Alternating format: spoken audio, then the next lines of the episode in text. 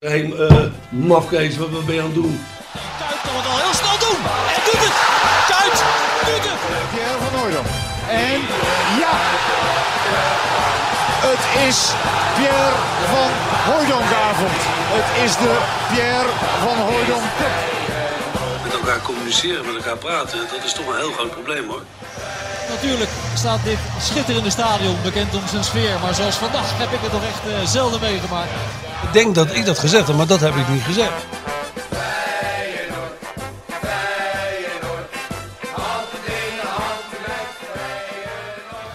Dik voor elkaar, Feyenoord podcast nummer 10. Van harte gefeliciteerd, Mies. Ja, dankjewel. Jij ook. Jij zegt het wel heel laconiek zo. Nou ja. Nummer 10, alsof het niks is. Nou, het is vooral voor jou een hoogtepunt. Want uh, toen we dit, uh, deze podcast begonnen, dacht jij misschien drie, vier afleveringen en dan, uh, dan was het wel klaar. Maar... Ja, ik, ik werd gebeld door Peter Wekking, oud-collega van VI, inmiddels de grote baas, een van de grote bazen. De grote roerganger. De grote roerganger. En die zei, heb je zin om met Martijn Krabbe aan mijn podcast te doen? Ik luisterde nauwelijks naar podcasts en zeker niet over voetbal. En toen vroeg ik aan, uh, aan Wekking, ja, maar ja, ik weet niet, ik, ik, ik volg het maar op een afstand de laatste tijd, weet je wel. Wat wordt er dan van me verwacht? Toen zei hij, oh, het stelt niks voor. Gewoon een uurtje lullen over Feyenoord. En dat is het nou, uiteindelijk is het ook geworden. Daar is het ook veel, veel beter is het ook niet geworden. Ik herkende daar wel uh, de hand van zijn leermeester Johan Derks in. Zo ben ik ook een keer eindredacteur van Voetbal Insight geworden. Johan sprak mij op de gang aan. Die zei, ja, we gaan een talkshow beginnen. Jij bent de eindredacteur. Toen zei ik, oh ja... Ik zeg, maar wat, wat moet je dan doen als eindredacteur? Zei die weet ik veel. Maar het is geen hogere wiskunde. Dus als je gewoon zorgt dat je een uurtje voor de uitzendingen bent in Hilversum, dan leggen ze het je wel uit. Dus uh, ja, ik ben blij dat we de, de, de tiende ja, uitzending het, hebben gehaald. En niet zomaar een show, een jubileumshow met een, met een speciale gast die je hebt geregeld. En dit, zoals het gebruikelijk is, we hebben, je bent de, de, eerste gast, dus die gaan we, op een, uh, op, gaan we ook introduceren zoals dat uh, dan hoort. Um, een artistieke duizendpoot. Ja. Kunnen, we, kunnen we zeggen. Uh, ja, bekend geworden met, een, uh, met het duo uh, Waardenburg en de Jong. Ja, wat heeft hij daarna niet gedaan? Sportpaleis de Jong, Holland Sport, 24 uur met zomergasten, de koning geïnterviewd. Ja, en geschreven, beleefd, columns, geschreven theater, boeken, alles. Film, te veel om op te noemen. En beleeft nu het hoogtepunt in zijn carrière en loopbaan door te gast te zijn in de tiende Dik voor elkaar podcast. Wel, welkom ja, Wilfried de Jong. Ik geloof ik nooit zo ver weggezakt. Hij was bijna in slaap gevallen. Ja, ja nee, nee, als je dit rijtje hoort en je, en je eindigt dan uiteindelijk in een bijzaaltje ja. ergens in Rotterdam met twee van deze mannen, dan, ja, dan ben je ver weggezakt, toch? Ja, dat ligt maar hoe je het bekijkt. Ik zou de huismeester sowieso geen bijzaaltje willen noemen. En ik zou deze show toch ook niet uh, nee. als iets kleins willen neerzetten. Deze jubileum jullie laat je ook niet zomaar wegzetten. Nee, je zit, nee, je, nee, je, zit, je zit wel in het, uh, in, het, in het wekelijkse hoogtepunt voor miljoenen luisteraars. Hè? Het, het, het baken van hoop in, uh, in donkere en moeilijke tijden. Oké. Okay.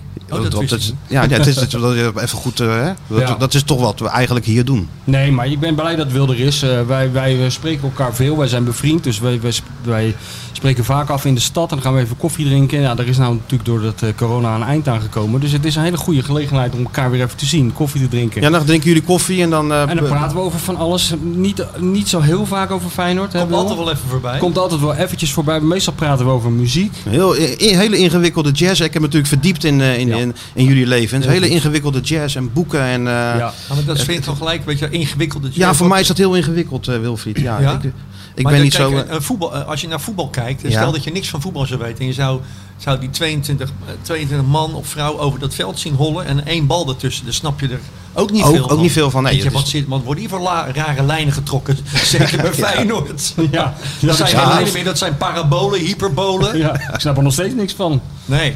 Feyenoord, Feyenoord is dus een soort hartslag van een bijna overleden patiënt die er voorbij ziet ja, komen. Dat ja. zijn de lijntjes van Feyenoord. Ja, ja, ja. Maar goed. Ja, kortom, de, de, het is maar net wat je... Zeker, zeker. Hij zegt altijd tegen mij, jazz moet je niet uitleggen. Dat is, je, je luistert ernaar en je houdt ervan of niet. Nou, je houdt er misschien niet van. Ja, ja ik heb, misschien heb ik het wel veel te weinig geluisterd. Wat, dat kan, waar kan je natuurlijk van ook. eigenlijk? Even om jou een beetje, in welke hoek zit jij van de muziek? Qua de muziek? Um, nou, ik hou ik wel meer van de, van de, van de jaren 80 muziek. En dat... David Bowie, weet je wel, een beetje die hoek. Maar ja. ook, ook van, de, van The Cure.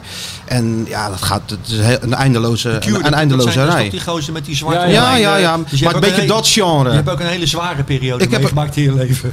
Ja. Nou, eigenlijk niet eens. Eigenlijk niet eens. Ja, ik, sta, ik sta vrij. volgen, nee, ja, precies. Ik sta vrij luchtig. Ik sta vrij luchtig in het leven. En dat is dat, dat soort muziek een beetje tegenwicht. Ja, of zo. ja. Dat je lekker in die auto zit. En dat niet. Cure is vrij depressieve muziek. Ja, ja, depressief. Of, of hoe moet ik zeggen? bedoel- Zwaarmoedig. Of, eh, En Micha heeft mij gevraagd om ook een beetje jou te portretteren. ja, ja, oh ja. Oh, ja. Dus Ja, dat is nou, dat is heel makkelijk hoor. Dat is heel, mij, mij portretteer je heel makkelijk. Niet, ik maak het niet te ingewikkeld. Nee, maar dat is een beetje de muziek waar ik dan naar luister. Ja. Maar het, kan echt, alle, het schiet echt alle kanten op. Alleen jazz, ja, daar moet je dan denk ik mee geconfronteerd worden een keer. Of mee worden opgevoed of, of wat dan ook. Ja, dat, Ja. dat heb ik nooit gehad. niet. Geeft toch niet? Nee. Geeft niks. Ik, zie er, ik, zit er wel eens naar te, een ja, ik zit er wel eens naar te kijken en denk van ja, heel die sfeer, die vind ik dan wel, wel leuk, weet je wel. In zo'n eh, zo'n jazzbar en dan een drankje erbij, et cetera. Maar dan, eh, en dan dat, dat eh, van als ze gaan improviseren en zo, denk ik van ja, maar wat, wat, wat is het en waar gaat het naartoe? Komen we misschien later nog op. Hè? Wat Laat- is het en waar gaat het naartoe? Dat is ook een beetje hoe je naar Feyenoord kijkt. eh. Dat is ook dus zo. Er zijn heel veel eh, raakvlakken. maar dat dacht ik dus eh, afgelopen zondag ook in, in, in Emmen. ja. En je hebt er een mooie column over geschreven die ik, eh, ik Ja, nou, eigenlijk heb. alleen over Dick, eh, Ja. Dick advocaat. Ik zat naar Dick, te- ik was thuis natuurlijk, dus eh, ik was niet in het stadion. Dan zit je naar Dick te kijken en toen heb ik me ook wel onbedaarlijk hard gelachen om de motoriek van die man. Ja. En de woestheid die hij in zich heeft op sommige momenten. En dat hij niet begrijpt hoe iemand van 34 meter een afstandsschot probeert in de 85 minuut. En dat, je hebt er geen tweede ring, maar toch het kwam ergens in een boom uit volgens mij. Een schot van Diemers of zo. En dan zie je hem met die handen zo gaan. Ja, dat is toch eigenlijk wel fascinerend dat iemand nog steeds zoveel woede en kracht opbrengt. zou ik maar zeggen. Mooi. Om, om even terug te komen op die wedstrijd, en Ja. dan gaan we er ook nog wat dieper op in. Ehm, die blessure van, eh, van Berghuis, die, eh, die kreeg een knietje. En wat ik zeg, ik heb me verdiept natuurlijk in, in dit gesprek. Maar laat dat nou net jouw specialiteit geweest zijn vroeger, knietjes. Hoe weet jij dat? Ja, Dat ik bereid, verdiept, ik bereid me Ja. voor. Nee, ik heb ooit een keer een verhaal geschreven in Jong Hartgras. Toen, er- er zijn een paar uitgaves van geweest. Heb ik een verhaal, gemaakt over een knietje. Ja, ik zat vroeger bij eh, sportvereniging De Pioniers, SVDP. Dat is een hele fanatieke eh, voetballer middenvelder. En eh hadden we zo'n trainer. En kwam er een jongen uit, uit Bra- Brabant, volgens mij. Een spits. eh, Mandels heet hij. Ze later volgens mij nog het eerste van Xerxes gespeeld. Best wel een goede voetballer. Maar die, die was nog een beetje te soft, vond de trainer. Zei die trainer van, pak jij die gozers even tijdens de training even hard aan. Dus op zo'n modderveldje, weet je, met twee van die lampjes erop. En dan zo'n trainingspartijtje spelen. Ja, dan ging die omhoog en toen maakte ik zo'n knietje zo, uh, hupsakee. En toen, ja, toen ging die huilend het veld af, weet je. Dat was in die tijd... Toen kwam die trainer naar me toe en zei, goed gedaan, weet je. Eigenlijk belachelijk. Als je dat nu hardop vertelt, is het eigenlijk schandalig. Moet ik er gewoon een week voor zitten. ja, een tikje ouderwets is het wel, ja. De, Ja, dat- de kunst van het waren echt die jeugdtrainers, die waren zo. Die zeiden, schop hem even een paar keer voor Ja. zijn ballen. Ja. Ongelooflijk eigenlijk. Ja, maar maar ja, ja, ik, ik moet daar wel altijd aan denken bij. al- Toen, toen, want advocaat kwam er eigenlijk mee, hè, na Ja. Die zei, ja, ik heb wel gezien wat het is. Hij heeft gewoon een... eh, een, Ouderwets eh, knietje. Ja, ouderwets Ja. knietje. Paardenkus. Paardenkus, ja.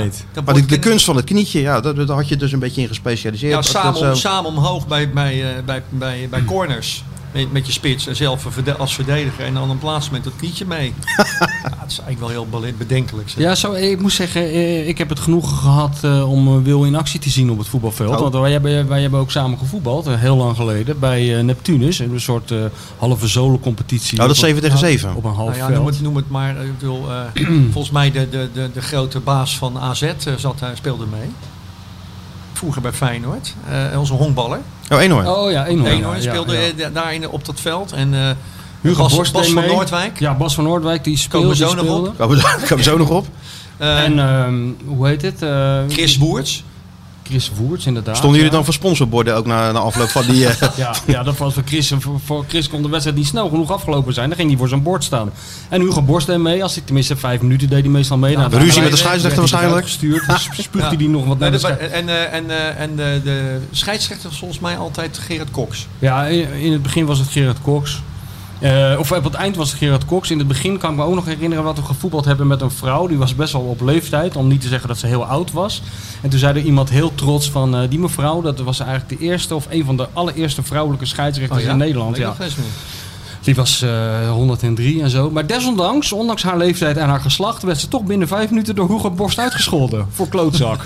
dus Voor klootzak ook nog ja, eens. ja, ja, dus dat was wel mooi. En liep Leo Verhulder dan ook nog bij Ja, eh, Leo met, was met zijn eigen bal aan de Nou, dan rechterkant? zeg je wat. Heb ik wel mee gezaalvoetbald nog.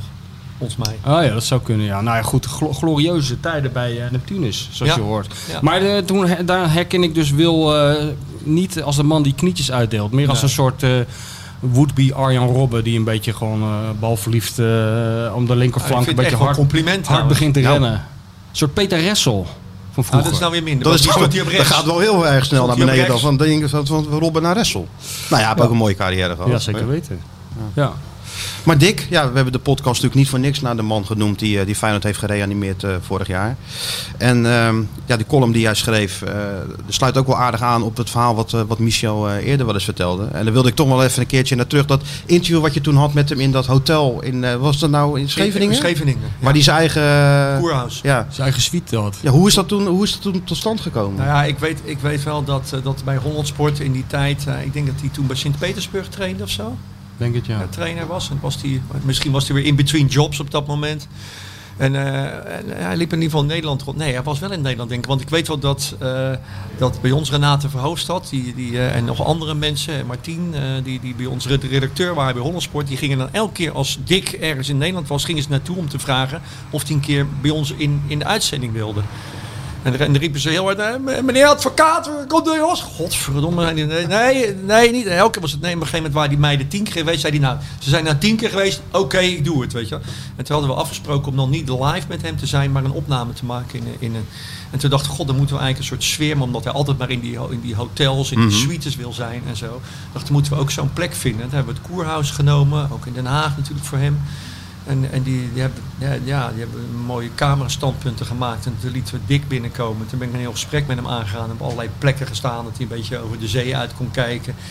En, en, en eh, jij was redacteur, hè, denk ik? eh, Nee, nog niet. Oh, nog Maar niet. jij- maar jij- wij hadden wel contact toen. ik Ja, over wat, je nou, wat nou met zo Ja. iemand? En ik vond het altijd wel een bijzondere man.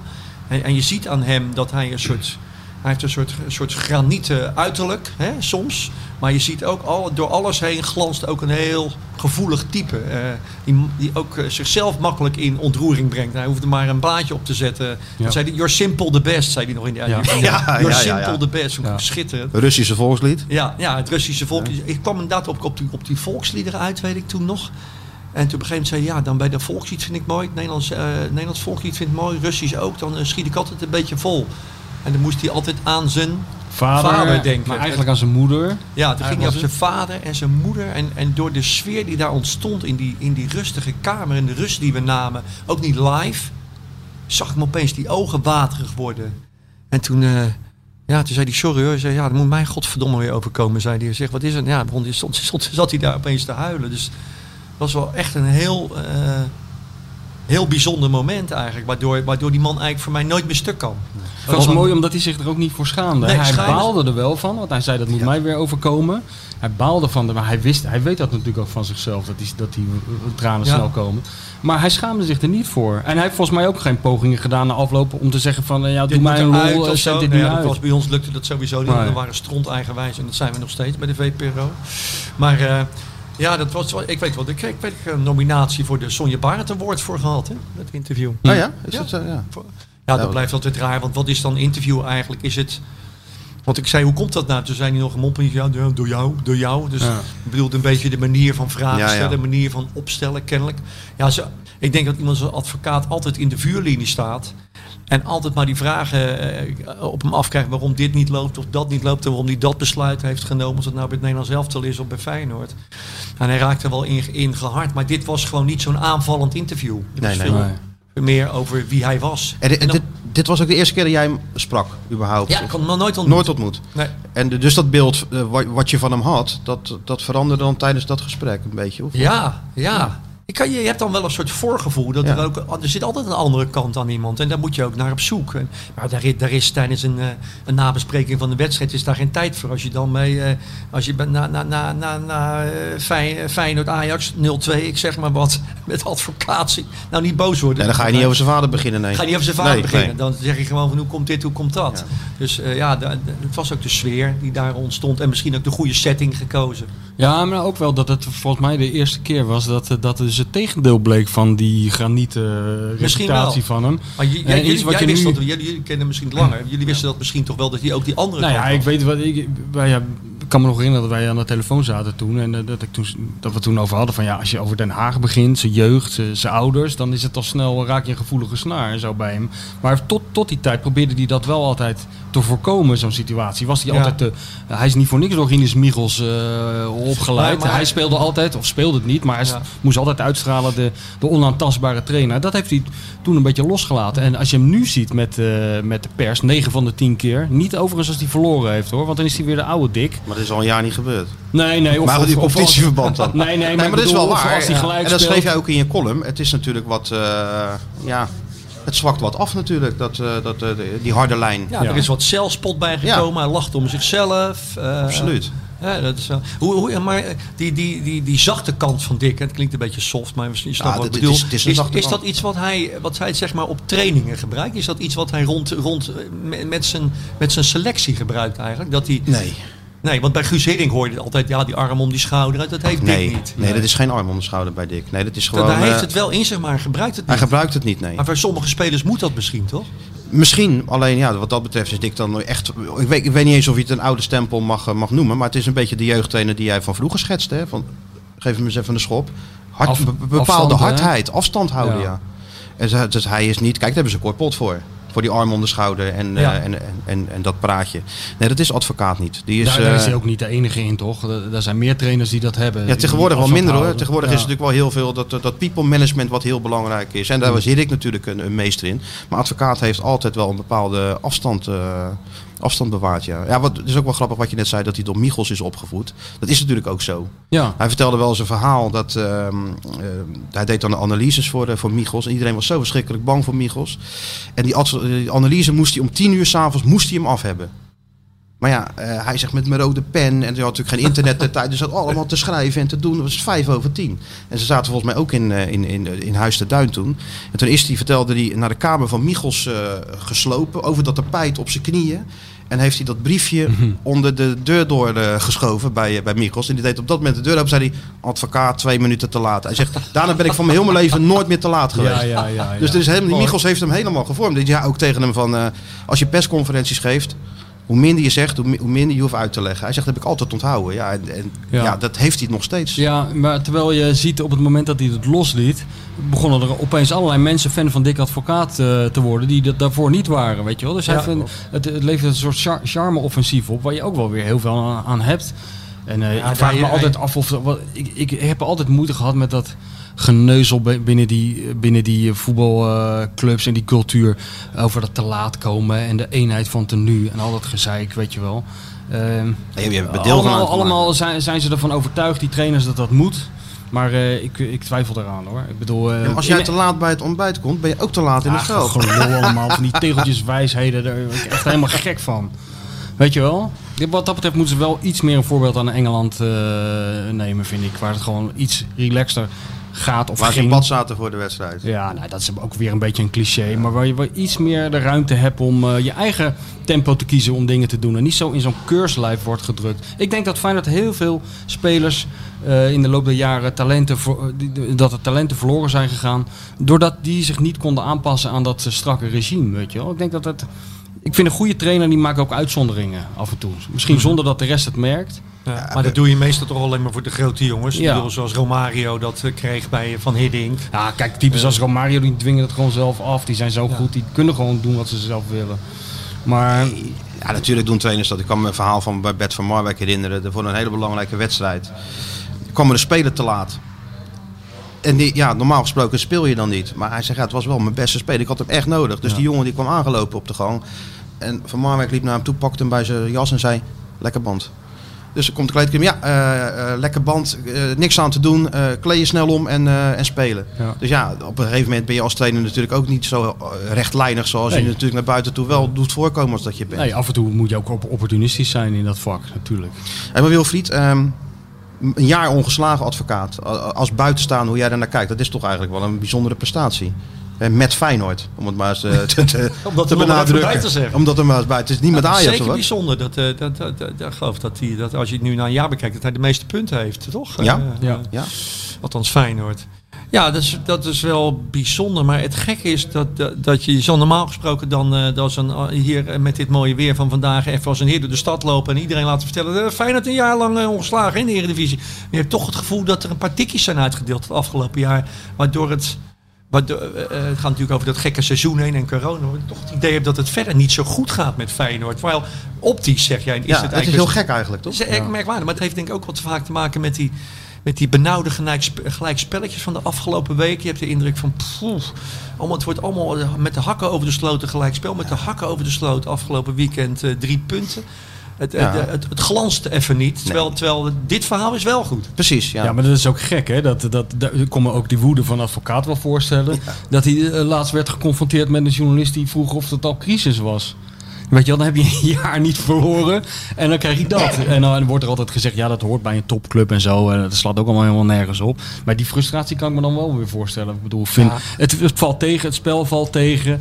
Eh, je maakt je zorgen over de spitspositie. Er zijn, er zijn allerlei dingen aan de hand. Maar om nou te zeggen dat het gelijk crisis is, dat, ga- dat gaat wel erg ver, toch? Nee, ja, maar inderdaad, die, gelijk, die gelijke spelletjes. Ja. En tegelijk staan ze maar op drie punten van Ajax. Ja. Dus dit is allemaal zo dubbel. En Vitesse, hè? En Vitesse, ja, het is maar hoe je er naar kijkt inderdaad. het is heerlijk, dat, is, dat is, eh, ja, ik ben echt wel zo'n, ik ben echt een heel kinderachtige, kinderachtige supporter, weet je. Dat als Feyenoord dan gespeeld heeft, het is half drie en er komen nog twee of drie wedstrijdjes daarna. PSV moet nog bijvoorbeeld zo, dan zit ik, dan ga ik al heel snel opzoeken de tussenstand Ja, van ja, de. Eredivisie. Dan zit ik te rekenen, nou, als die nou gelijk spelen, Ja. oh, dan staan we misschien nog vijfde. Dat typisch dat Feyenoord gedrag van dat je blij bent dat je vierde staat. Ja, ja, je, ja. terwijl, ja, ja, het is, het is eh, Maar bij jou, bij jou, jouw Feyenoord eh liefde, jij bent nog gewoon supporter vanaf jongs. Dat Ja. komt van jouw moeder, hè? Veel meer dan van je vader, volgens Ja, mij. Ja mijn vader had hier in Rotterdam een, eh, een diepvriesgroothandel. Die zat aan de koolhaven en die deed dus in, in, in, in, in grote diepvriesproducten. En dat, dat moest dan de regio door met vrachtwagens. Mijn vader was daar de baas van, samen met zijn broer. Ja, en als je dan in die cellen kwam, dan was min 20, weet je. Mijn vader hielp vaak mee met die gasten die, die al die, die, die, die vrachtwagens moesten vullen. Dus die stond ook met zijn dikke jas aan en een paar handschoenen te laden en te lossen. Dus als die thuis kwam, dan uh, lazen die meestal voor het eten of anders na het eten gewoon in slaap. Ja. En mijn moeder, eh, die, die overigens ook hard werkt, want die had vier kinderen, die deed er allerlei werk naast. Ja, die, die was wat actiever en die was gewoon een enorme sportfanaat. Die, die, die, die, die, die schreeuwde gewoon voor de, voor de televisie. Dus ja, ik, eh, mijn meeste herinneringen zijn ook. Ik weet, al- ik, weet nog, ik weet zeker dat ik ben. Ik heb ook foto's van de, dat ik de cup heb hier in 1970 in dat huisje, weet je wel. Foto's van. Ja, dan kon je eh, langs, hè? En dan kon je met de cup op de foto. Ja, ik met de, cup, met de Europa Cup op de foto. Maar ik, ik, bedoel, ik weet 100% zeker dat ik, waar ik stond op de Koolsingel toen Feyenoord de Europa Cup won. Ik weet ook dat mijn broer er was. En ik weet, ik weet ook dat mijn moeder was. Maar van mijn vader weet ik het bijvoorbeeld niet zeker. Die stond die die dingen alsof het altijd mijn Ja. moeder is gebeurd. Oh, ja. Je hebt wel eens verteld, je eerste bezoek aan Feyenoord, dat dat meteen een onvergetelijke indruk op je maakte. Het licht en, het, en de kleur van, eh, van, van het stadion of zo. Nou ja, ja ik, weet je, als je zelf voetbalt en je, je, komt, op, je komt op dat eigen vo- voetbalveld van, eh, waar ik speelde, eh, die thuissporttortjes bij eh SVDP.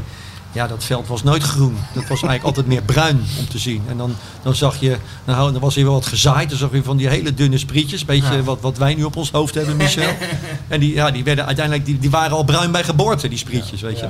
Dus, en opeens kom je dan bij een avondwedstrijd in de Kuip. En je kon toen nog van de buitenkant, kon je nog door de Kuip heen kijken als je langs liep. Van die gaten zaten er echt zo in. En toen dacht ik, wat is dit man? Dit was of er een... Ja, of er Een? Ja, dat, wat, ja, ze hebben het altijd over biljartlaken, maar het was echt tapijtachtig en het was zo helgroen. En dat, ja, dat is onvergetelijk. Dat, Dat vergeet je eh, nooit meer. Vergeet je nooit Nee. meer. Nee. Maar ik vind het wel interessant, hè? Want ik ben... eh, ja, ik weet niet, misschien komt het wel door die podcast. Ik heb natuurlijk ontzettend veel te danken aan deze podcast, nu al. Want Ja, ik, ben ook ja. weer, ik ben ook weer een beetje over Feyenoord aan het schrijven. Hè. Daar kunnen we het straks ook nog wel even over hebben. Want Wil heeft ook veel over Feyenoord geschreven.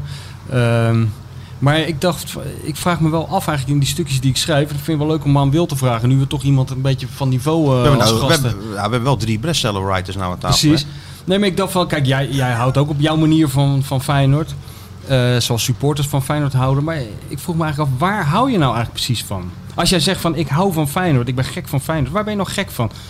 Dat zijn niet die spelers, want die wisselen elke keer. Ja. Dat is niet die trainer, neem ik aan. Alhoewel er nu een zit die ons eh, bevalt. Maar waar, waar hou je nou van als je zegt, ik hou van Feyenoord? Ja, dat is echt een waanzinnig goede vraag, waar het antwoord echt heel moeilijk op Ga ik is. een heel boek gesproken- over schrijven. Dus als jij nou even een begin maakt. Ja. Nou ja, eh, eh, jij, jij vraagt naar eh, over, van, over hoe dat dan vroeger was. Hè. Dat doet natuurlijk zo, sowieso iets. Een soort DNA meekrijgt. En dat het bij. Het hoort, het hoort een beetje bij de, bij de dagelijkse of de wekelijkse gang die je in het leven maakt, zou ik maar zeggen. Hè. Je, je leest er wat over, ik hoor jullie erover of ik lees erover, ik zie wat, ik zie een wedstrijd. Eh, zelf in, je jeugd van, fanatiek geweest. Eh, een aantal van die spelers door mijn werk. Hè, Rinus Israël op de massagetafel gehad. Willem van Hanegem regelmatig dingen kunnen doen. Zijn verjaardag kunnen vieren. Moulijn. Ik woonde in de, ik woonde in de Bloklandstraat. Dus ik woonde ook in de, in de wijk waar Wim Jans, eh, Jan Boskamp... eh, en Koen Moulijn, eh, ik woon in de Bloklandstraat, notabene dezelfde straat als van Koen. Ik heb Koen geïnterviewd, ben bij hem thuis geweest, ik ken zijn vrouw. Dus dat is, het is een, een soort familiair eh, gevoel. En dat, is, en, dat, en, en, eh, en dat keert elke keer toch weer terug. En iemand hoeft, het is, het is, het is belachelijk eigenlijk, hè. iemand hoeft maar zijn rood-wit shirt aan te doen. En, en, en hij Ja. hoort bij, die- bij die familie, terwijl het Ja. slaat eigenlijk nergens op. Nee. Dat- je gewoon eh, verliefd wordt op Ian Sabau. Ja. Waarom? Of, of Pablo Sanchez. Of Onno, die woonde bij mij overigens tegenover. Hè? Die, ik heb een tijdje op de Kop van Zuid gewoond. En hij had, ze had in die tijd heel veel Feyenoord denk ik, van die flats gekocht en gehuurd. Julio Cruz, die, die, die zag ik altijd tennissen. Die kon er een ruk van. Maar die, die, die tennis op het binnenveld. Nou, ik heb zo. Kroes ook wel eens zien tennissen, maar hij was wel Nee, hij een tennis- niet slecht. Hij was een tennisser zoals die voetballer was. Ja, heel ja. sneaky. Ik heb Ja. hem wel eens tegen John Metgold balletjes. zien tennissen in de hitte in een van de trainingskamp. Die Kroes bewoog geen meter, net als op het veld, weet je wel, behalve als het echt moest. En dan van die hele gemene balletjes Nee, waar die. Metgold zich Ja. helemaal kleurenblind op liep. Ja, En die liep natuurlijk. Ja, die liep als een gek. Ja. En schelden. Maar dat, ja, het- is, er is maar weinig voor nodig. Hè. Die, die Onno kwam ik dan tegen. Nou, die sprak eh, een paar woordjes Engels, maar, maar, maar heel weinig. En die liet altijd zijn, eh, zijn hondje uit, uit die Ja, chocola. Vertel even dat dat hondje een keer beet en Ja, wat ja hij ik had mijn, mijn, zoon, mijn zoon was toen een jaar of vier of zo. En je had zo'n zo'n veldje tussen de twee flats. En hij woonde aan de ene kant van de flat en, en, eh, en, en wij woonden aan de andere kant. En eh, ging ik was naar buiten met mijn zoontje op dat veldje. En het was een beetje een uitlaatveldje in die tijd voor hondjes. En daar liep, daar liep eh Onno wel eens met zijn hondje chocola. En hoorde hij altijd, chocola, chocola! Hoorde je dat? Ik geloof die, die, die, het was zijn vrouw, dat was een mo- mode, mode ja, ja, nee, maar die hond die was een hele En die fenomeen hond was een heel Japan. fel, eh, zo'n fel terriertje was het. Of, wat, niet een bull terrier, maar een heel klein, zo'n zo, zo waardeloos kuthondje eigenlijk. Maar, maar die kwam, eh, kwam mijn, eh, eh, mijn, mijn, zo- mijn zoon was vier, die liep gewoon op dat hondje af. Want die dacht, ja, die ziet iets bewegen. Hondje, ja, die wil je aaien. Toen, toen trok hij zijn ogen scheef weg, die hond. En die, die beet toen, maar die beet niet echt raak. Maar wel. En toen pakte, die, pakte Onno, die, die riep chocola! En die pakte dat hondje bij. Die, die duwde die boven in die onderkant van die kaken tegen. Dan beet hij heel hard in die kaken van die, van die hond. Hij beet terug. Hij beet gewoon die hond. Ja, Hups. dat gaan we bij Dizzy ook doen. Je- Het hondje weg. Dat was, ja, dat was onnodig. Eigenaardige Japanners. Heel Ja. eigenaardig. Ik weet nog dat, eh, wat ik heb Onno toen heel eh, intensief gevolgd. Omdat wij een tv-programma voor de Japanse tv maakten over hem. Elke Ideetje van... eh, Een ideetje van eh, Chris, sponsorbord Woers. wel, een goed, wel een goed idee trouwens, tuurlijk. want dat heeft Feyenoord uh, natuurlijk miljoenen opgeleverd. Chris S. De enige die er last van had, de enige twee die er last van hadden, Ja, hadden, ja. Dat, dat was ik en Onno. En die Onno die kreeg er nog een ton voor en ik niet. Want ik heb nog een keer tegen hem gezegd, ik zeg, jij vindt er echt geen reet aan, hè? Zo een beetje eh, met een tolk erbij. Nee, zei die Onno, ik vind het verschrikkelijk. Overal waar ik kom, eh, ik kan niet naar buiten of jij staat met die camera op, op mijn lip. En ik zei, ja, maar het grote verschil, ik heb er ook geen zin in, weet je wel. Ik zeg alleen, het grote verschil is, jij krijgt er een ton voor en ik niet. Toen zei hij, nou, ik zou die ton zo inleveren als ik jou nooit meer hoef te zien. Daar komt op neer. En dat snapte ik ook heel goed. Maar dat, dat hondje toen, die chocolade, Ja. Die was, de, want niet alleen die vrouw van Onno was een fenomeen en hij zelf in Japan, maar ook dat hondje was Oh een ja? die Oh had ja. een eigen kledinglijn en een eigen eh, Instagram had je toen nog niet, maar die had een eigen eh, pagina op internet en zo. Ja. Ja, dat was echt, echt een Maar fenomeen. ja, het zijn van die rare dingen die dan... Je, je, je raakt een beetje begeesterd door... door als zodra iemand zo'n Feyenoord shirt aandoet en bij de club... maar je houdt dus eigenlijk van het, van het gevoel wat het, wat het, wat het samen dat, zijn dat, met, de- met... dat je dat dat je je hebt een soort live, eh, lifeline hè? Je, je hoort dus kennelijk bij elkaar terwijl ik heb die mensen ik heb heel veel van die mensen nooit ontmoet van Nee. die voetballers of, of, of supporters maar je maar je dat, dat, dat is dat dat eh, dat gevoel weet je ik weet Dit, dit is wat Van Hanegem tegen Van jou Hanegem zei zei. tegen mij van, ja, ik, ik vroeg hem dat ook, hè. Wat, Ja. kun je nou eens uitleggen, wat is nou dat Feyenoord gevoel? En Van Hanegem liet er een analyse op los. Ik heb het volgens mij al een keer verteld. Dat, eh, dat die Kuip vol zit met mensen die misschien een hele vervelende jeugd hebben gehad. Die vroeger gepest zijn of eh, andere problemen. En die komen dan op zondag bij elkaar. En dan verdwijnt alles eventjes, 90 minuten. En eh, dat was zijn analyse van het Feyenoord-gevoel. Maar Dat hij inderdaad noemde een het grote ook een familie. familie, hè? Een familie, een hele grote familie. Nou ja, en ik, en ik, ben ook, ik ben ook best wel iemand die in charge is. Hè. Ik bedoel, ik, ik, ik, ik, ik, volgens mij, dat weet Michel beter dan ik, maar ik gedraag me behoorlijk. En, eh, en eh, weet je, maar dat, ik kan me, ik kan me in, in de club, in, in wat er gebeurt rond de club en met name tijdens wedstrijden, en als het spannend wordt, kan ik me, kan ik me echt ook verliezen in dat clubgevoel.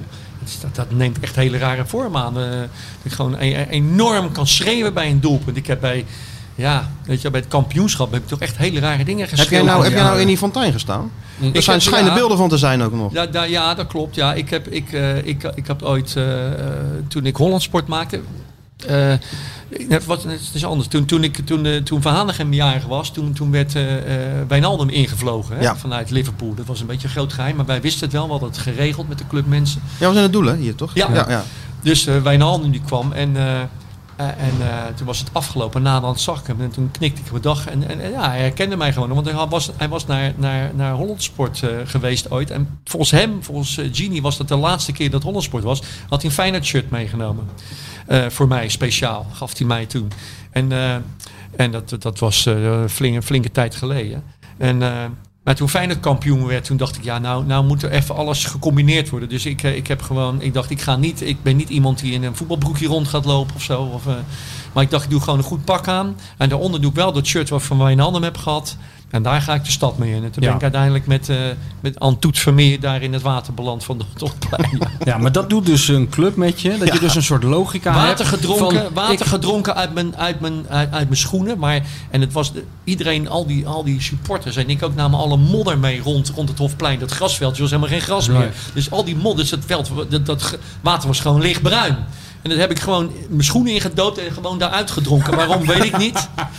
Doet Ja, gekke dingen. geweest. Die club doet gekke is dus dingen met mensen. Dat is dus het, Ja. eh, het maakt een soort, eh, ja, wat, wat Willem eh, zegt is wel zo. Je bent, je bent op een bepaalde manier één. Terwijl er zijn vermoedelijk heel veel mensen in die Kuip die ik niet tegen moet komen. Want het zijn totaal mijn types misschien niet. Maar Nee. op dat moment voelt dat wel We- even Voelt zo. dat als wel zo? Ja, bruiloften, eh, begrafenissen. Toen, die, eh, toen ze nog voor het stadion trainen, nou, dat weet je ook nog wel. Elke vrijdag was er wel een bruiloft. Die, eh, Ja, met, met, toen kwam er zo'n auto voorgereden. eh, Zo'n zo'n paardje stapte uit. Nou, rondleiding, fotootje op de middencirkel. En, en, en een dag later kwam er dan een, eh, een, een, een wagen met iemand die, wiens laatste wens in vervulling ging. Die nog één keer naar, naar Feyenoord Maar misschien wilde. is dat wel het mooie. Dat, dat ik kan heel veel dingen verklaren in mijn leven. En, en misschien dingen beweren over de wereld. Maar dit kan ik gewoon niet goed verklaren. Ik, was als, ik heb een Feyenoord Haarlem een keer een, een kampioenswedstrijd van Feyenoord. Toen was ik echt nog een tiener. Daar ben ik gewoon, toen gingen de hekken open. Dat was een kampioenswedstrijd volgens mij. Toen ben ik naar het middenstip gelopen. Heb ik daar gewoon eh, twee plukjes gras uitgehaald. En die heb ik ergens in een boek gestopt. Ik weet niet meer welk boek. Heb je die nog? Ik denk een boek van Michel van Egmond. Toen al. Knettergek van die boeken. Toen Ja, al. ja, jaren ja. zeventig al. Nee, maar wat is dat? Een stukje Ja, dat vroegen we aan jou. Ja, wat is dat? Wat, Nee, wat, ik weet het wat eigenlijk niet precies. Maar is het misschien terug te voeren tot, eh, ehm, ik weet het niet hoor, maar tot helemaal aan het begin, hoe zoiets ontstaat, weet je wel? Dat je verliefd, je wordt als kind een beetje in een soort naïviteit verliefd op zo'n club. En die na- je groeit op, je wordt volwassen, je verliest je naïv- naïviteit in een hoop dingen. Maar bij, bij die sport en bij die club kennelijk niet. Jij, jij kijkt nog, ik zit ook wel eens naast Wil op de, op de tribune. Nou, de laatste keer was tegen Excelsior volgens mij dat wij samen in het stadion zijn geweest. Toen, toen waren we, nou ja, dat was een saaie wedstrijd. Maar ik bedoel, eh, hij leeft echt wel mee, weet je wel. Ook als we op de perstribune zitten. Dus er komt inderdaad- inderdaad iets over je.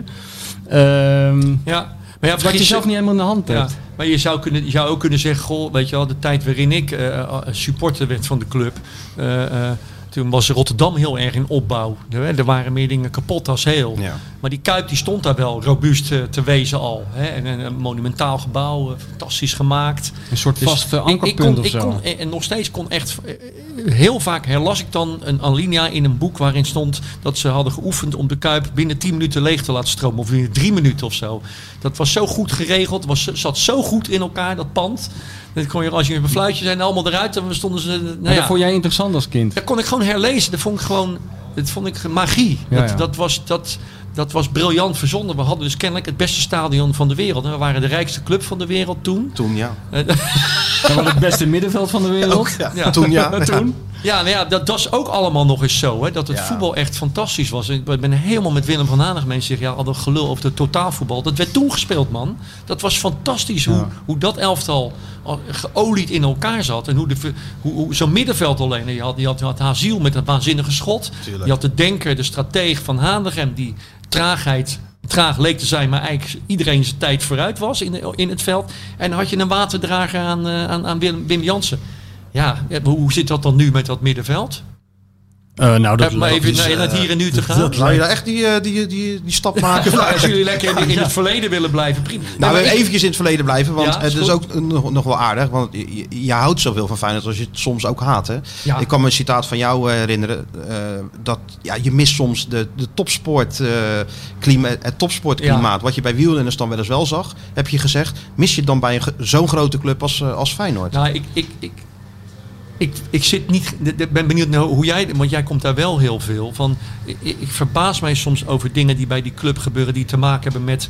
vo- Voetbal ontwikkelt zich. Als je de lijven van vroeger ziet. Hè, als je dat, dat, de 1970 elftal neemt. daar hebben mensen nog een beetje vet op hun huid zitten. Hè, en. eh, en, en maar ze waren best wel sterk, maar tegenwoordig hè, wordt er in de krachthonken gewerkt. Maar bijvoorbeeld als je naar de manier van lopen kijkt, hè, van, als je naar mooie elftallen kijkt, dan zie je sommige spelers, zie je gewoon aan hun manier van lopen al dat ze een soepele, fijne loop hebben. En, en ik zie bij Feyenoord soms spelers dat ik denk, Ploegen. is er nou niemand die, die tegen die speler is zegt van... joh, jij bent misschien van origine gewend om als een eend te lopen... maar zullen eens proberen om je benen recht, je voeten recht naar voren te krijgen... dat je er misschien wat sneller van wordt. Ja, het gekke is dat ze daar 3000 mensen voor op de loonlijst hebben staan. Hè? Ze, hebben, ze hebben zoveel specifieke trainers. En eh, ook al bij de jeugd, weet je wel. En dan is het dus wel heel vreemd Ja, dat, dat, jou dit opvalt. Nou ja, ik heb bijvoorbeeld Troy Douglas, hè, dat was een jongen die ik vroeger veel interviewde, die, die sprinter. Ontzettend leuke gozer.